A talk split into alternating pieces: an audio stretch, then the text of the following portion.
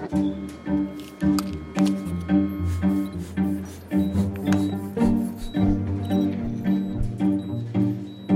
lever livet, og vi lever det længe. Listen af sygdomme, som kan kureres, bliver længere, og behandlingerne bedre. Fantastiske fremskridt, men også et øget pres på sundhedssektoren. Det kræver et kvantespring ind i fremtiden, hvis kvalitet og kapacitet skal følge med. Et spring ind i en fremtid, hvor du får stillet en sjælden diagnose ved hjælp af kunstig intelligens. Hvor din pacemaker kommunikerer med Rigshospitalet for at advare dig i tide, og hvor du måske aldrig når at udvikle den arvelige sygdom, fordi den genanalyse har fået dig til at ændre livsstil i tide. Velkommen til Liv i Fremtiden. En podcast om, hvordan dit møde kunne være med lægen, hospitalet eller andre instanser i sundhedssektoren i en ikke så fjern fremtid. Podcasten er udgivet af Lægemiddelindustriforeningen og Medicoindustrien. Jeg hedder Ane Skak og er din vært.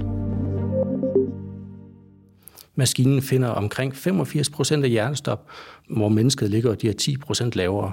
I dette program ser vi nærmere på brugen af sundhedsdata, kunstig intelligens og hvordan nye tech-aktører gør deres indtog på sundhedsområdet. I dag så kan en cancer detection algoritme, den kan gøre det bedre end et menneske. Siger Jakob Knobel, som arbejder med kunstig intelligens inden for sundhed. Har du været på en vagtcentral? Nej, Nej, okay. og ja, hvad er det, vi går igennem nu her? Det her, det er sådan en sluse. Det er faktisk en øh, slags øh, terrorsikret sluse. Det er jo fordi, at vi har 112, og 112 samarbejder med politiet og er den der beredskabsmyndighed. Ikke? Så derfor har vi det her. Du bliver her, så lægger jeg lige det her ind. Og så følger jeg dig. Skal jeg? Således vel igennem sikkerhedsslusen bliver jeg fuldt ind i Region Hovedstadens akutberedskab for at møde Anne-Marie Espersen, som er sygeplejerske og sundhedsfaglig visitator. Det vil sige en af dem, som 112 stiller videre til, hvis det drejer sig om ambulancehjælp. De overleverer samtalen til mig, og hvor jeg så kan begynde at udspørge ændringer om, hvad det drejer sig om, så jeg kan give den bedst mulige hjælp på kortest mulig tid selvfølgelig, fordi mange af vores opkald, der er det rigtig vigtigt, at vi reagerer inden for få sekunder. Og noget af det, som Anne-Marie lytter efter, er om der er tale om hjertestop. Og her skal det gå hurtigt. For risikoen for succesfuld genoplivning falder 10% for hvert minut, der går, før hjerte-lungeredning startes. Som regel har vi, vi hver i hvert fald et tilfælde af hjertestop om dagen, eller formodet hjertestop, når vi tager telefonerne her. Men det kan jo variere, så vi må, nogle dage ikke har nogen, og andre dage måske løber ind i 4-5 stykker, så det er meget variabelt. Som noget nyt for Anne-Marie hjælp til at identificere hjertestop ved hjælp af kunstig intelligens. Et forskningsprojekt, som Nikolaj Blomberg, phd studerende og forsker, har været med til at starte ud fra målsætningen om at blive endnu bedre og hurtigere til at erkende, hvornår der er tale om et hjertestop. Vi havde et ønske om at hæve erkendelsen af hjertestop. Vi ligger i forvejen blandt verdens bedste. Vi vil gerne være verdens bedste. Øh, vi havde prøvet med mange forskellige øh, metoder, meget uddannelse, meget træning, men vi lå og støtte på øh, et glasloft, der hed 75 procent blev erkendt. Så stødte vi lidt tilfældigt ind i et firma, der arbejdede med øh, kunstig intelligens og stemmegenkendelse, og der stod vi og tænkte, det er det, der er løsningen. Vi kan bruge kunstig intelligens til at øge vores erkendelse af hjertestop. Tilbage til Anne-Marie, som sidder parat til at modtage akutopkald, herunder også om hjertestop. Har hun prøvet at få hjælp af den kunstige intelligens i sit arbejde? Ja, det har, det har vi prøvet mange gange, hvor den kommer op med en boks på vores skærm, hvor der også er sådan et hjerte på, og hvor der står overvej øh, eventuelt hjertestop. Og hvad hvor vil du uh, få den her lille uh, hjerte, der popper op, hvis uh, der bliver identificeret Den hjertestop? lige foran mig øh, på, på listen her. Så er det lidt okay. Vi bliver afbrudt af et akutopkald, som Anne-Marie naturligvis straks retter al sin opmærksomhed på. Jeg har lov til at tale med Marie. Jeg er sygeplejerske. Hvad var der sket? Ja? Ja? Nej, godt. Kan du komme i kontakt med din kone? Jeg skal nok sørge for hjælp, men øh, skal se. Du kan godt komme i kontakt med hende? Nej.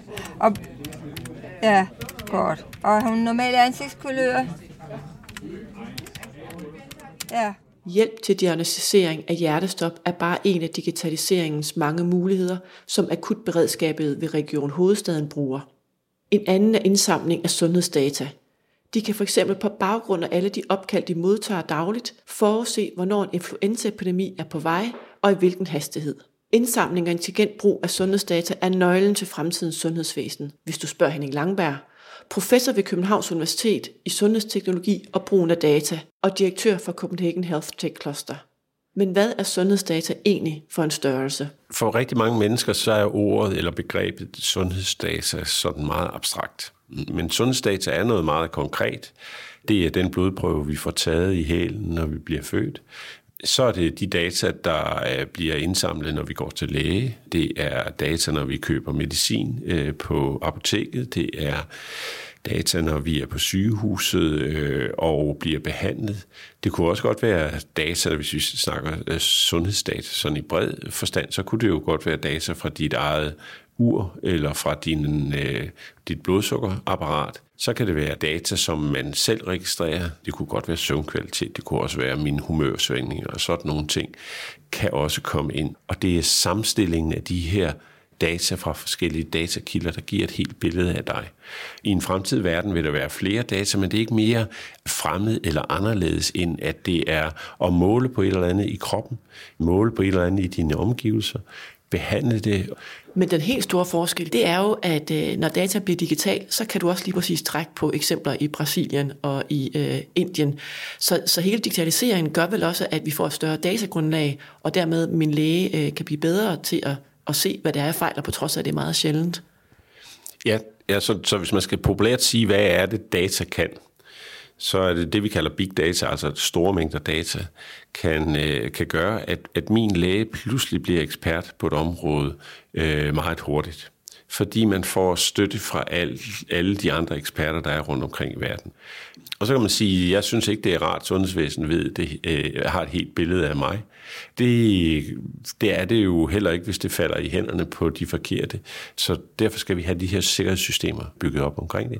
Omvendt er man først blevet syg, så vil jeg jo gerne have, at så mange informationer øh, om mig, som kan påvirke behandlingen, eller kan være vigtige for behandlingen, er til stede øh, det rigtige sted. Og i øjeblikket så er det sådan, at vi oplever, at når vi siger noget til vores praktiserende læge, så er det ikke altid de informationer, er kommet videre til hospitalet, så skal vi fortælle det derop igen. Og det er, det er simpelthen ikke godt nok i dagens Danmark. Det skal vi gøre bedre. Vi skal have nogle systemer, der gør, at de data, som det er nødvendigt, at hospitalet har, eller kommunen har for at behandle mig optimalt, at de er til stede. Sundhed er vigtigt for et godt samfund. Vi bliver alle ramt af sygdom, før eller senere. Adgang til lægeligt tilsyn og behandling er en ret. Jeg er på besøg i 2050 i fremtidens sundhedsvæsen. Ikke på et hospital eller hos min læge, men på Dansk Design Center. Jeg skal besøge udstillingen Boxing Future Health for at se designers bud på fremtidens sundhed og helbredelse og høre stemmer fra patienter, som de kunne lyde i 2050. Som rundviser har jeg Sara Gry Striler, der er programleder på det Danske Design Center. Den bedste lægelige vurdering og prioritere til fordel for de fleste. Boxing Future Health er et designprojekt, hvor vi kobler scenarier, fremtidsscenarier med design. Det vil sige, at vi går ind og kigger på, hvordan ser fremtidens sundhed ud i 2050, og så prøver vi faktisk ikke bare at skrive ned, hvad det er for en størrelse, men i virkeligheden også at sætte form på. Så vi bruger design helt konkret til at fremstille nogle fysiske installationer, som man kan træde ind i, hvor du kan opleve, hvad vil det sige at være en del af fremtiden. Hvordan vil det være at være borger i det her samfund, i de her fire forskellige scenarier, som vi har produceret. Standarden er høj, prioriteringen skarp. Så det der med at skabe noget, der er taktil, som vi alle sammen kan forholde os til, og det her med at, at personligt have et møde med fremtiden i form af nogle personer, du møder, som fortæller om, hvad vil det sige at være borger i det her samfund. Det er rigtig, rigtig stærkt. Og det har en rigtig god indvirkning på folk, og få folk til at kunne spejle sig i fremtiden, og kunne forstå, hvad er det for nogle udfordringer, vi står overfor, hvad er det for nogle potentialer, der også er. Jeg skulle ikke være samlet på. Det er godt, jeg kan få mit medicin. Jeg har jo fået en helt pakkeløsning. Morgen, middag og aften. Jeg får ikke lov til at glemme det, så biber det hele. Vi står midt i transformationen. På den ene side er der brug for, at alt vores sundhedsdata bliver delt mellem de instanser, der varetager vores sundhed og behandling. Og på den anden side er der ingen, der ønsker, at vores personlige oplysninger og data bliver delt med de forkerte, som der findes flere skrækhistorier på i medierne. Hvordan står det til i Danmark med brugen af sundhedsdata? Vi har øh, et rigtig godt system i Danmark. Vi har øh, en erfaring, mangeårig erfaring for at behandle data, øh, og der er sket utrolig få datalæk. Øh, man kan sige, at hver gang der sker et datalæk, så er det et datalæk for meget, så derfor skal vi arbejde rigtig meget med sikkerheden. Vi er meget opmærksom på, hvad der sker med vores data, når det er sundhedsvæsen, der er fat i det. Men når det er de store tech-virksomheder, så har vi pludselig meget mere lemfældige. Og, og så kan man sige, jamen der får vi jo mulighed for at tage stilling. Og jeg ved ikke, om du har læst nogle af de her forklaringer om, hvad der sker med dine data, men øh, inden man accepterer en app, så, så er der jo øh, fem sider, man skal læse. Øh, der er ingen mennesker, der læser det. Øh, og hvis man læser det, så er man svært ved at finde ud af, hvad søren er det, der står.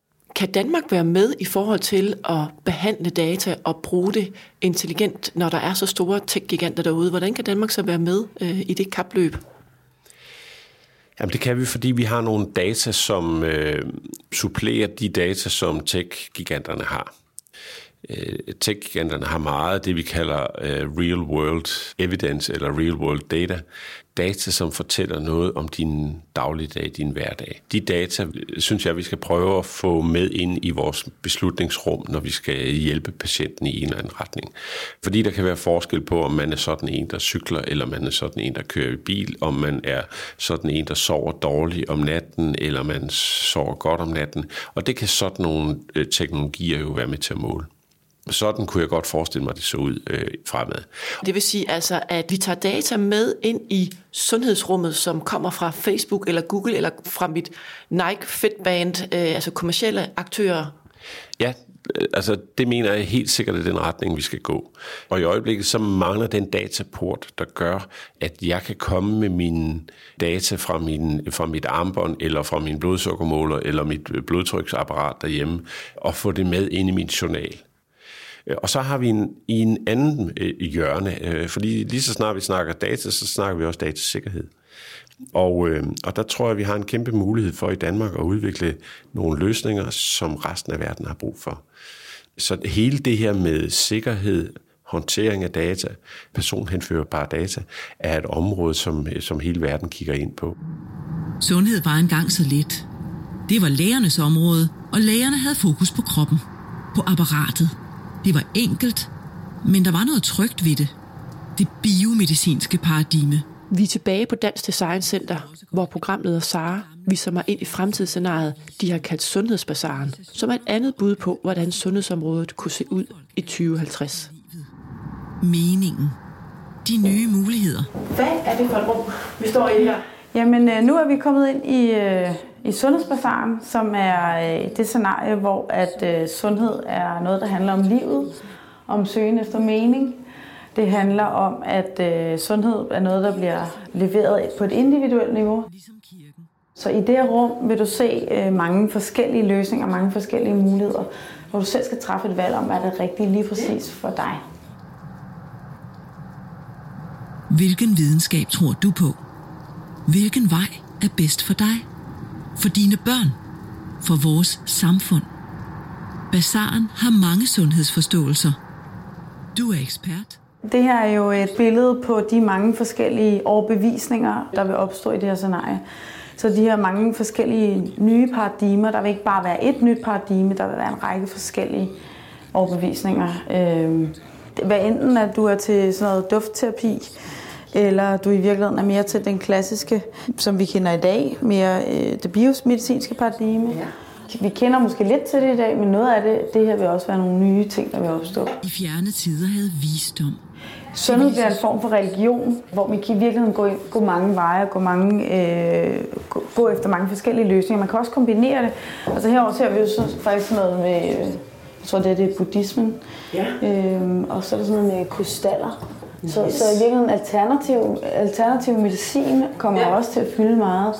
Øh, så alle de her rum er et billede på alle de mange forskellige løsninger, der vil være i fremtiden. Så begynder festen. Lange forklaringer om sygehusets tilgang til behandling og forståelse af sundhed. Min personlige sundhedsreligion er at bevæge mig, Og det fedtbane, jeg har om armen, er en fin lille repræsentation af en fremherskende måde at tænke sundhed på i fremtiden. At vi indsamler en lind strøm af data om os selv, og får et feedback, der gør, at vi måske, måske ikke, ændrer på vores livsstil. I tech og sundhedssprog hedder de wearables, og der kommer flere og flere. Men virker det? Et fitband eller en eller anden form for, for bevægelsessensor er jo fint. Øh, jeg kan sige, det virker ikke på mig. Jeg har en far, som, øh, som fortæller mig, hvor mange skridt han går og bruger det til at holde øje med, om han er, er fysisk aktiv nok. Det er super godt for ham. Jeg kan mærke, at jeg bliver rigtig tændt af det i øh, 14 dage, 3 uger, øh, og så glemmer jeg det.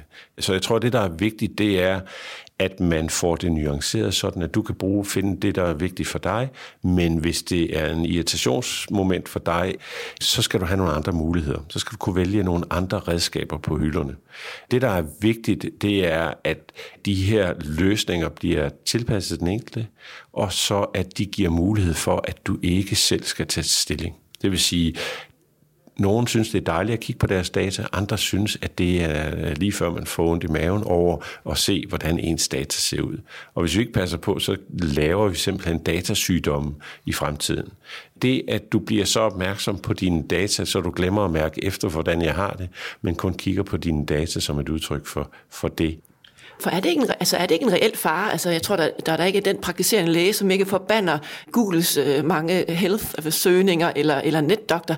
Altså vi er jo ikke læger selv. Hvad, hvad skal vi så omgive os med? Alt det her teknologi, der kan forvirre os og sende os på afveje?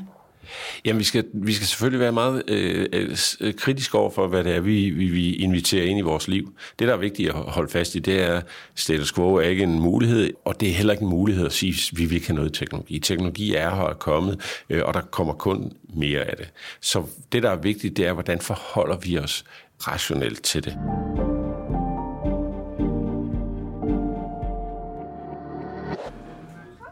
Ja. Ja. Godt, nu skal du høre, der er en ambulance på vej, så det, at vi to snakker sammen, forsinker ikke noget. Nu siger du, hun er noget sløv øh, og har kastet op. Vil du ikke lige være sød at tage hende om på siden, så hun ikke får noget opkast i luftvejene? Vi er tilbage hos Anne-Marie ved akuttelefonen 112. Hun er ved at guide en mand til at lægge til skadekommende i aflås sideleje. Her ikke tale om hjertestop, og det lille hjerteikon på hendes skærm, som den kunstige intelligens genererer, er der heller ikke poppet op. Men hvad lytter Anne-Marie egentlig efter, når hun skal finde ud af, om der er tale om hjertestop? Så vi har jo nogle helt faste guidelines, vi går ud fra, hvor vi starter ud med at finde ud af, om øh, den person, det drejer sig om, overhovedet kan respondere på noget, eller om vedkommende er ukontaktbar, og dernæst får vi afdækket, om der er nogen vejrtrækning, eller eventuelt, at der er en unormal vejrtrækning, besynderlig vejrtrækning, som der også kan være lige inden personen får hjertestop. Er der kan snyde dig, når du øh, sådan skal lytte efter, om der er et hjertestop? Har du sådan oplevet, at her var det sværere at identificere for dig? Ja, det oplever jeg af og til, og det kan jo typisk være, hvis den person, der ringer ind, måske er meget opbragt, øh, har svært ved at samle sig, ikke, ikke kan guides til at give nogle øh, valide oplysninger. Så det er nok så meget, at vi også lytter efter sådan noget som stemmeføring og, øh, og uro på stedet, og sådan noget. Vi hører nogle andre ting med os, end det, der rent faktisk bliver sagt. Hvad lytter maskinen efter, spørger jeg manden bag det kunstig intelligensprogram, som understøtter identifikationen af hjertestop ved 112 opkald. Øh, maskinen har selv bestemt, hvad den lytter efter. Vi har fodret den med et datasæt med et par hundredtusind opkald, hvor den har fået at vide, de her opkald drejede sig om hjertestop, de her de drejede sig om alt andet. Og så har maskinen selv fundet ud af, hvilke ord i hvilke sammenhænge og på hvilket tidspunkt i samtalen er indikativt for et hjertestop. Så vi har ikke øh, udarbejdet nogen facitliste, men vi kan se på, hvilke ord maskinen reagerer på. Det går på nogle måder hen af de samme mønstre, som vi selv kender. Det er, hvis der er nogen, der ringer og siger, øh, min hustru ligger bevidstløs, og hun har blå læber. Så ved sygeplejersken, der er nok tale om noget, der kunne være et hjertestop. Det ved maskinen også. Øh, men hvis der bliver sagt andre ting i samtalen, hvis at det bliver indledt som en glad samtale, der bliver sagt hej, eller øh, sådan et, en munter tone, så ser maskinen bort fra det. Øh, Og der er ikke nogen endegyldig facitliste for, det er de her ord, der giver et hjertestopsalarm. Men det er mere, at det er et spørgsmål om sammenhænge og kontekster. Hvad tror du forskellen er på, hvordan du identificerer et øh, hjertestop, og, øh, og maskinen i form af kunstig intelligens identificerer det? Altså, jeg øh, håber jo, at, jeg, at min faglighed gør, at jeg er bedre til at identificere det. Maskinen reagerer jo på, på visse gloser, altså øh, rene ord, og også på noget stemmeføring, hvor jeg vurderer det ud fra en hel del andre øh, ting. Det kan jo også være, om personen har haft nogle gener inden den der alvorlige tilstand indtrådte, om der tidligere har været noget sygdom, hvilke omstændigheder personen er blevet fundet under, øh, og alder også. Og sådan noget. Der er jo rigtig mange faktorer, vi tager med ind i det. Vi tager jo ikke blot nogle løsrevne gloser.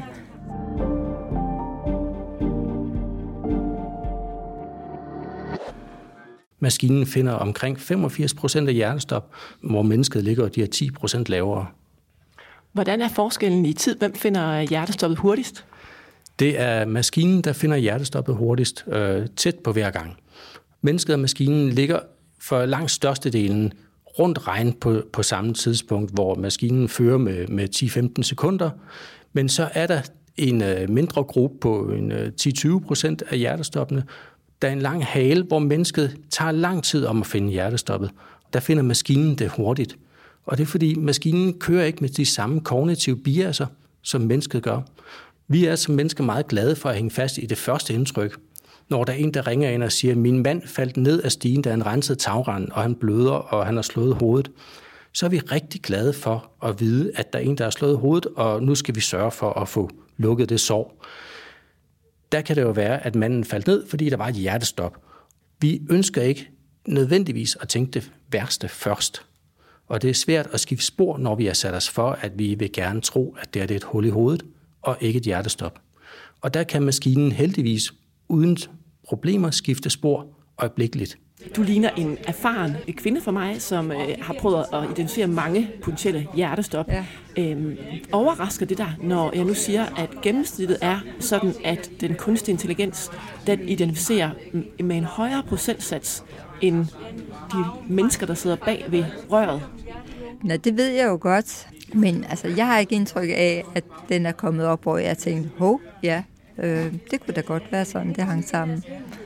Jeg vil sige, at den understøtter Øh, og det er rigtig fint. Øh, også, øh, jeg bruger også en mekanisme i den, hvor den kan guide mig om øh, hastigheden ved at yde hjertemassage. Så, det, så jeg tager det hele tiden som, at den understøtter mig, men jeg mener ikke, at, at den ville kunne erstatte os.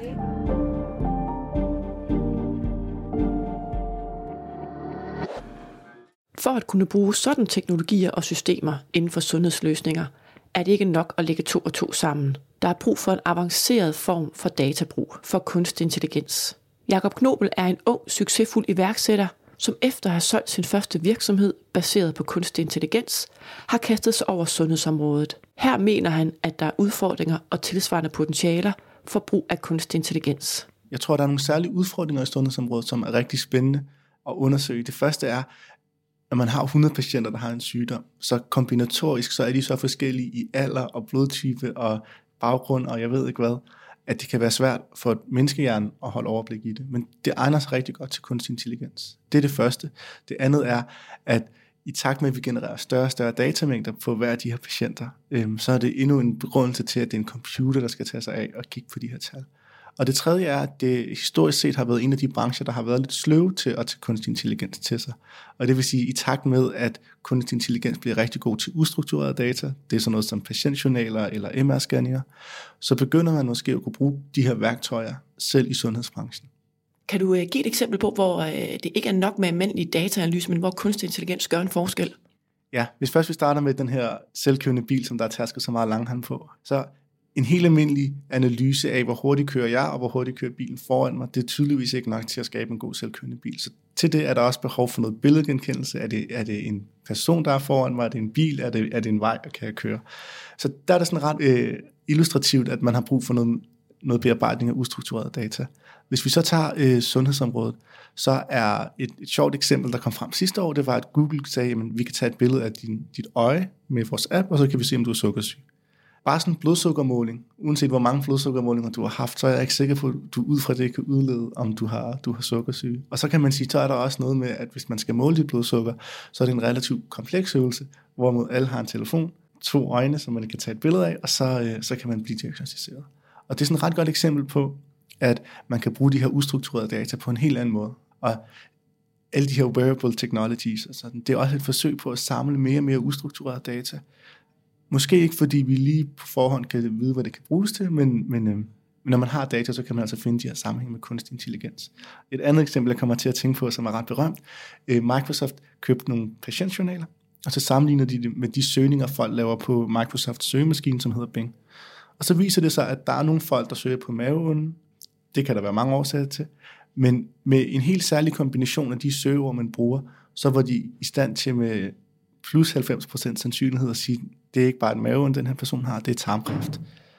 Så kan man sige, hvis de kan forudsige det, givet få søgeord, øhm, det svarer jo på den ene side, hvis jeg skal forsimpelse, det svarer måske til, at en dygtig læge, han kan screene efter særlige nøgleord, patienten siger. Men omvendt så er det også helt vanvittigt, at din online søgeadfærd siger noget om, hvorvidt du har tarmkræft eller bare det almindelige maveonde. Hvad ligger der under altså den statistiske validitet i det? Der er sådan et, et teknisk spørgsmål, men det næste er så også at sige, jamen, betyder det, at hvis vi er gode nok til at indsamle data og etablere ekvivalenser på tværs af forskellige systemer, så kan vi i virkeligheden diagnostisere folk ved hjælp af deres kamera på deres telefon, deres søgevaner osv. osv. Og det åbner jo op for, at healthcare ser helt anderledes ud end den måde, det gør på i dag.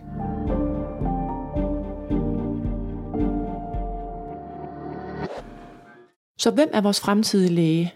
Hvem stiller diagnosen? Er det computeren eller mennesket, lægen, som kan lave de bedste vurderinger, og inden for hvad?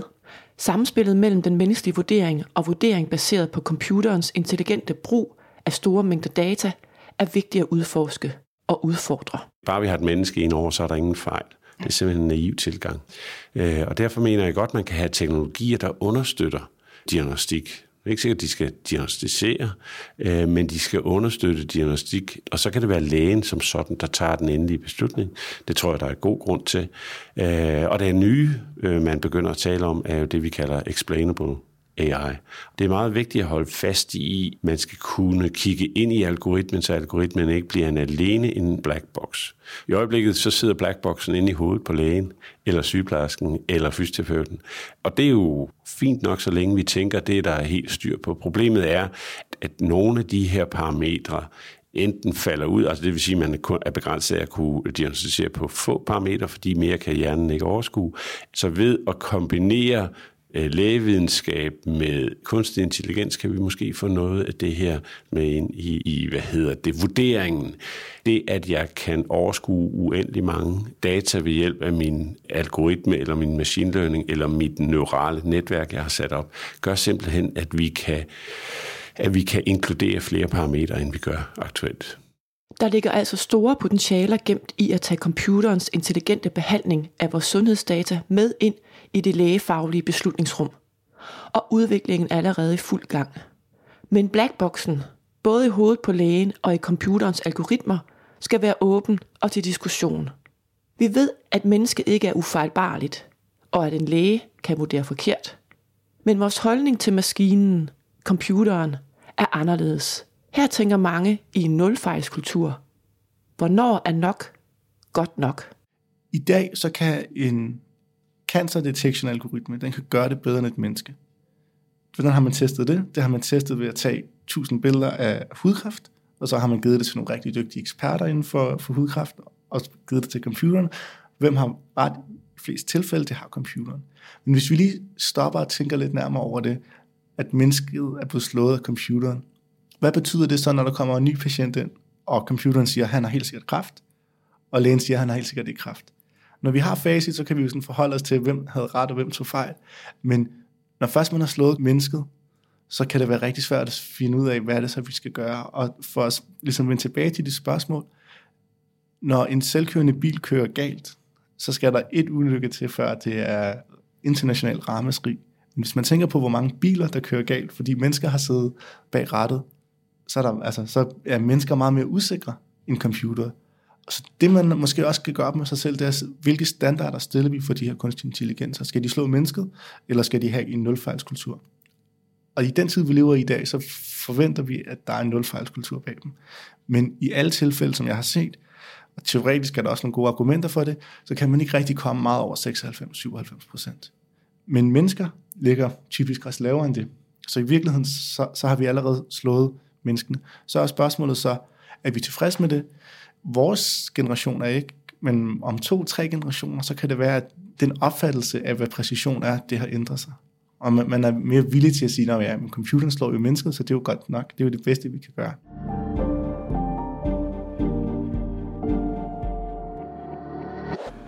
Hvis GPS'en laver fejl, så drejer vi af for tidligt, eller ender med at sidde i en kø, som vi godt kunne have undgået. Og det kan vi sagtens leve med. Når vi er på sundhedsområdet, så øh, er margin for fejl, den skal være meget, meget mindre. Og det vil sige, at vores, øh, vores lyst til at inkludere kunstig intelligens på sundhedsområdet har ventet rigtig lang tid, og har ventet på, at vi nu har nogle områder, hvor vi føler os mere sikre, og der kan vi begynde at introducere det det, der er vigtigt at sige, det er, at vi har ikke nogen algoritmer, som alene træffer beslutningen. Vi har algoritmer, som understøtter eller supplerer lægens øh, undersøgelse eller diagnostik, og som man kan tage med ind i beslutningsrummet. Og det er der, vi er nu. Men der er jo nogle af de kunstige intelligensdiagnoser, som er mere præcise end lægens. Ja, og det er, jo, øh, det er jo der, hvor man tænker, at så længe der er et menneske inde over, så er vi sikre på, at det bliver gjort ordentligt. Teknologi kan jo også bruges til at hjælpe lægen, eller at sikre, at lægen ikke øh, bliver nødt til at stille en diagnose, når man er meget træt hvis man har været på vagt lang tid. Hvor længe skal man så øh, være på vagt, før det ikke er ansvarligt at gøre det, man gør? Øh, hvordan kan vi sætte nogle systemer op, som kontrollerer øh, og måler med?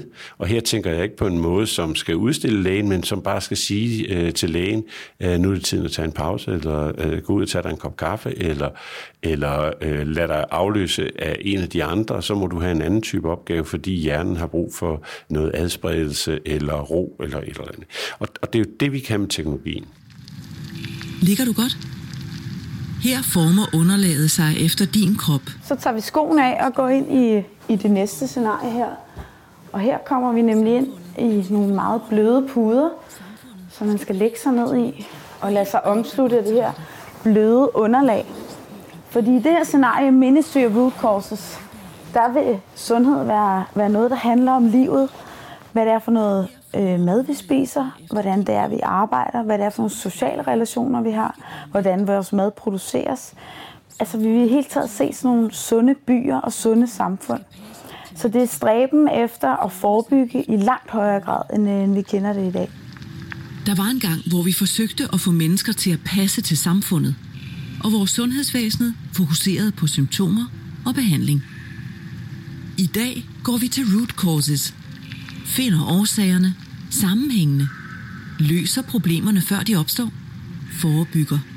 For at vi kan opretholde et sundt samfund, som forebygger frem for at behandle, jamen så har vi brug for data. Vi bruger data, og vi bruger viden. Vi har brug for at vide, hvordan mennesker bevæger sig, hvordan mennesker, hvilken adfærd mennesker har, og hvilke bevæggrunde de har. Hvis der er mange ulykker i et vejsving, lægger vi vejen om hvis sociale medier gør os syge, ændrer vi vilkårene. Og det betyder også, at vi vil føle os overvåget, og vi skal overvåges for at kunne vide, hvordan vi hele tiden kontinuerligt kan føde ind i det her store forebyggelsessystem. Så hvis vi kigger op, så kan vi se, at der er nogle overvågelseskameraer, som holder øje med os og som tracker vores data. Og samtidig så er der også spejle. Og det vil sige, at når du ligger herinde sammen med nogle andre i det her samfund, så vil vi holde øje med hinanden. Så det vil være et meget trygt samfund, men også et meget måske låst og, og lidt klaustrofobisk samfund. Så det er sådan lidt Big Mother is watching you. Men jeg ved også, at mine børn og børnebørn vil opleve en bedre verden. Nok også en lidt kedeligere verden. I hvert af de her scenarier, vi har udviklet, der er jo både noget dystopisk og noget utopisk i dem alle sammen. Og tænk, hvis man ikke havde set det så tidligt, så var jeg måske faldet helt ud i mørket. Ja, Vores fremtidige møde med lægen, sygehuset eller andre instanser, der er omkring vores liv med sundhed og helbredelse, er en mangefacetteret størrelse, og den er afhængig af de valg, vi står overfor i dag. Hvordan vil vi for eksempel vælge at bruge vores sundhedsdata? Vi har i Danmark exceptionelt meget og brugbart sundhedsdata. Blandt andet på grund af vores CPR-system, der eksisterede længere end de fleste. Og vi har et stort potentiale i at udnytte det bedre og mere aktivt. Men hvordan gør vi det? Her er det værd at stoppe op og høre Jakob Knobels forretningsmodel. Det jeg koder neurale netværk i, kunstig intelligens i, det er noget, der hedder Google TensorFlow eller Facebook PyTorch. Det er gratis tilgængelige kodebiblioteker, som jeg kan downloade, jeg kan bruge. Jeg sender ikke noget data tilbage til Google og Facebook. Det er licenseret på en sådan måde, at det er open source. Det vil sige, jeg må også gerne bygge det, som jeg vil, og kode det, som jeg vil, og sælge det til den pris, jeg vil, uden at aflevere noget tilbage til Google og Facebook. Så det, det har de ligesom givet væk gratis. Det, som Google og Facebook bruger rigtig mange penge på inden for sundhedsvæsenet, det er opkøb hospitaler, andele af hospitaler, journaldatabaser og den slags. Og spørgsmålet er, hvad er egentlig det mest værdifulde? Jamen, når jeg skitserer det på den her måde, så er det ret tydeligt, at det ikke er koden, der er det mest værdifulde. Det er data, der er det mest værdifulde. Men hvad er det, vi har størst tilbøjelighed i de europæiske lande til at give væk og, og købe os til? Det er jo faktisk det stik modsat. Og den studiehandel, der bliver indgået der, det er, det er det, jeg ser som det helt store problem. Altså, at, at vi laver en byttehandel, hvor vi ikke rigtig har for øje, at, at det, vi køber os til, det er det, som Google egentlig giver væk gratis.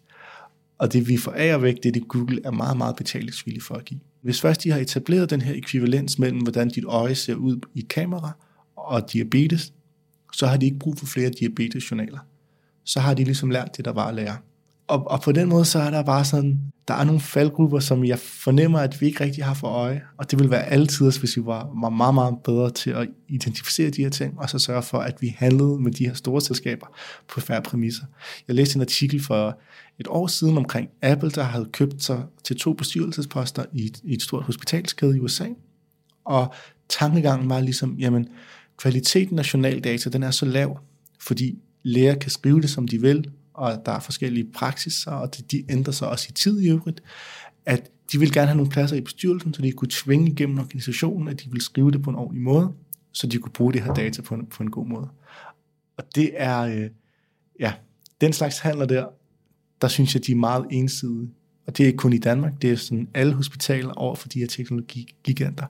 Fremtidens aktører inden for sundhed og helbredelse hedder altså også Apple og Google, og fremtidens sundhedsfolk kommer i den grad også fra datalogi og andre tech-uddannelser.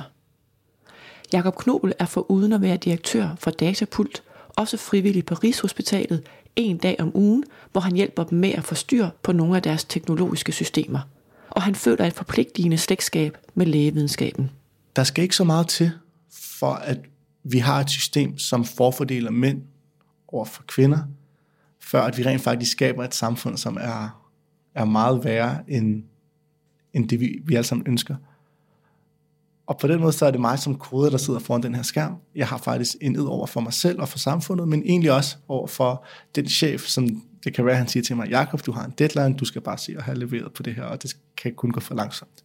Hvis ikke man er i stand til at sige fra og sige, at vi er lige nødt til at undersøge, hvad ligger der af værdier eller forfordelinger i det her data, hvis ikke man gør det, og man bare får det spyttet ud, spyttet ud, så ender man altså med at have de her dårlige konsekvenser i samfundet.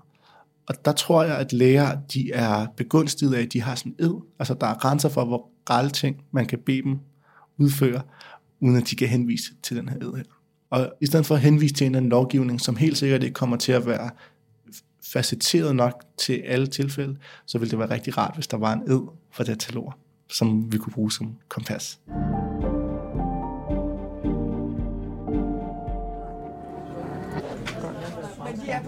Godt. Men ved du hvad, de er på vej. De kører med udrykning og har gjort det hele tiden. De kommer så hurtigt det er muligt. Godt. Rigtig god bedring til hende. Hej. Sygeplejerske på 112, Anne-Marie, afslutter samtalen med indkalder og lægger på. Det slår mig, hvor roligt Anne-Marie har været igennem hele samtalen. Ja, altså der, der kommer ens professionelle attitude øh, ind til gavn, tror jeg. Jeg har jo arbejdet rigtig mange år, også i skadestue og i kutmodtagelse, og jo for mange år siden øh, jo, jo lært, at, øh, at det at bevare det professionelle, at det er, at det, der vejen frem og, og hjælper bedst. Så så det, det er faktisk ikke noget problem for mig. Men selvfølgelig bliver man berørt af, af nogle ting, det er klart. Men i selve situationen, hvor der skal handles, og hvor jeg også skal prøve at få noget ro på indringer, som måske jeg skal have til at yde noget førstehjælp, indtil ambulancen kommer frem, der er det rigtig vigtigt, at man kan holde følelser væk, og så netop bevare roen og det rationelle. Den egenskab at kunne holde følelser væk og beholde roen og det rationelle, den deler Anne-Marie med maskinen og den kunstig intelligens, der sporer tilfælde af hjertestop ved 112-opkald. Faktisk har forsøget hos Region Hovedstaden været så succesfuld, at forsker ved akutberedskabet Nikolaj Blomberg allerede er på vej med et projekt med flere europæiske sprog. Vi er ved at etablere et øh, forsøgsprojekt i øh, EU med Horizon 2020-programmet, hvor vi vil indrullere 10 øvrige EU-lande for at se, kan vi folde det her ud på flere sprog og på flere diagnoser. Det håber vi på at få gang i løbet af et års tid. Her til sidst har jeg som altid spurgt Ida Sofie Jensen, koncernchef i Lægemiddelindustriforeningen, og Peter Huntley, direktør for Medicoindustrien, om refleksioner over dagens tema. Hvad de ser udfordringer og muligheder i brugen af kunstig intelligens og sundhedsdata. Jamen det er jo, der åbner sig en verden, som vi jo hidtil slet ikke har været i nærheden af, for at kunne forstå sygdommen og vide, hvad det er, vi skal gøre ved det. Fordi den sygdomsforståelse, vi har i dag, er jo baseret på masser af god videnskab, men det er jo oftest sådan, at vi foretager det i laboratorietest, men koblingen over til virkelighedens verden gennem data, det er jo en fantastisk øh, ting. Jeg, jeg synes, der ligger rigtig meget i øh, det engelske udtryk real world evidence, altså den virkelige verdens dokumentation, kan man sige. Og det er den her forståelse af, at vi går fra et laboratorium og så ud i, at vi har virkelighedsdata. Øh, noget, der virkelig er sket, og øh, nu kan måle via de her øh, dataopsamlinger, som jo tidligere ikke kunne og slet ikke sammenstille. Der er masser af sygdomme i dag, som i virkeligheden jo ikke har nogen test, vi kan måle på. For eksempel en sygdom som depression er jo ikke noget, man bare kan tage en blodprøve og så måle. Øh, men der er der en masse iagtagelser af øh, symptomerne, af effekten af sygdommen, som vi så nu kan få virkelighedsdata på, og så gøre, at vi forstår sygdommen endnu bedre og kan finde nogle øh, muligheder for, for behandling, som øh, bliver endnu bedre. Det man i hvert fald kunne møde som borger, det er nogle enorme fordele i at nå til meget hurtigere og mere dybere erkendelser omkring ens egen sygdom, ens egen øh, diagnoser, forebyggelser i forhold til, hvad sundhedsvæsenet samlet ved. Så det, at vi kan samle datamængder og lave krydsrelationer og lave aggregerede modeller for, hvordan sygdommen udvikler sig, så bliver vi meget mere træfsikre i at kunne forstå sygdommen og kunne forstå det på et tidligere tidspunkt, således så vi i virkeligheden formentlig kan se en kolossal økonomisk gevinst. Altså jeg vil sige det sådan, at tidlig diagnostiseret sygdom vil nok være en af de helt store kilder til effektivisering og besparelse i sundhedsvæsenet fremover. Og det kan data bidrage til.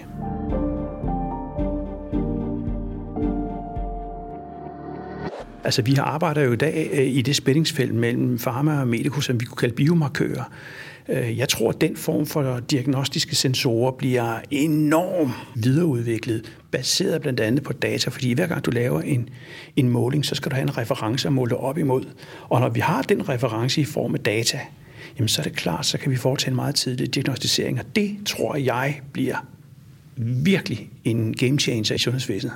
Jamen udfordringen er at sikre tilliden til brugen af data. Og, og det er så vigtigt, at vi har tillid til, at øh, vi anvender de data øh, rigtigt, og at det indgår i en øh, større sammenhæng, så vi alle sammen bliver klogere, klogere på sygdommen, klogere på, hvad det er, vi kan gøre, hvordan øh, ting, øh, sygdommen udvikler sig, hvad man selv kan gøre, hvor perspektiverne er for nye behandlingsmuligheder, sammenkædning til andre data. Så formålet med at bruge data, det er, at vi skal blive klogere på sygdom, ikke på, hvor hvem bor og hvad hvem gør.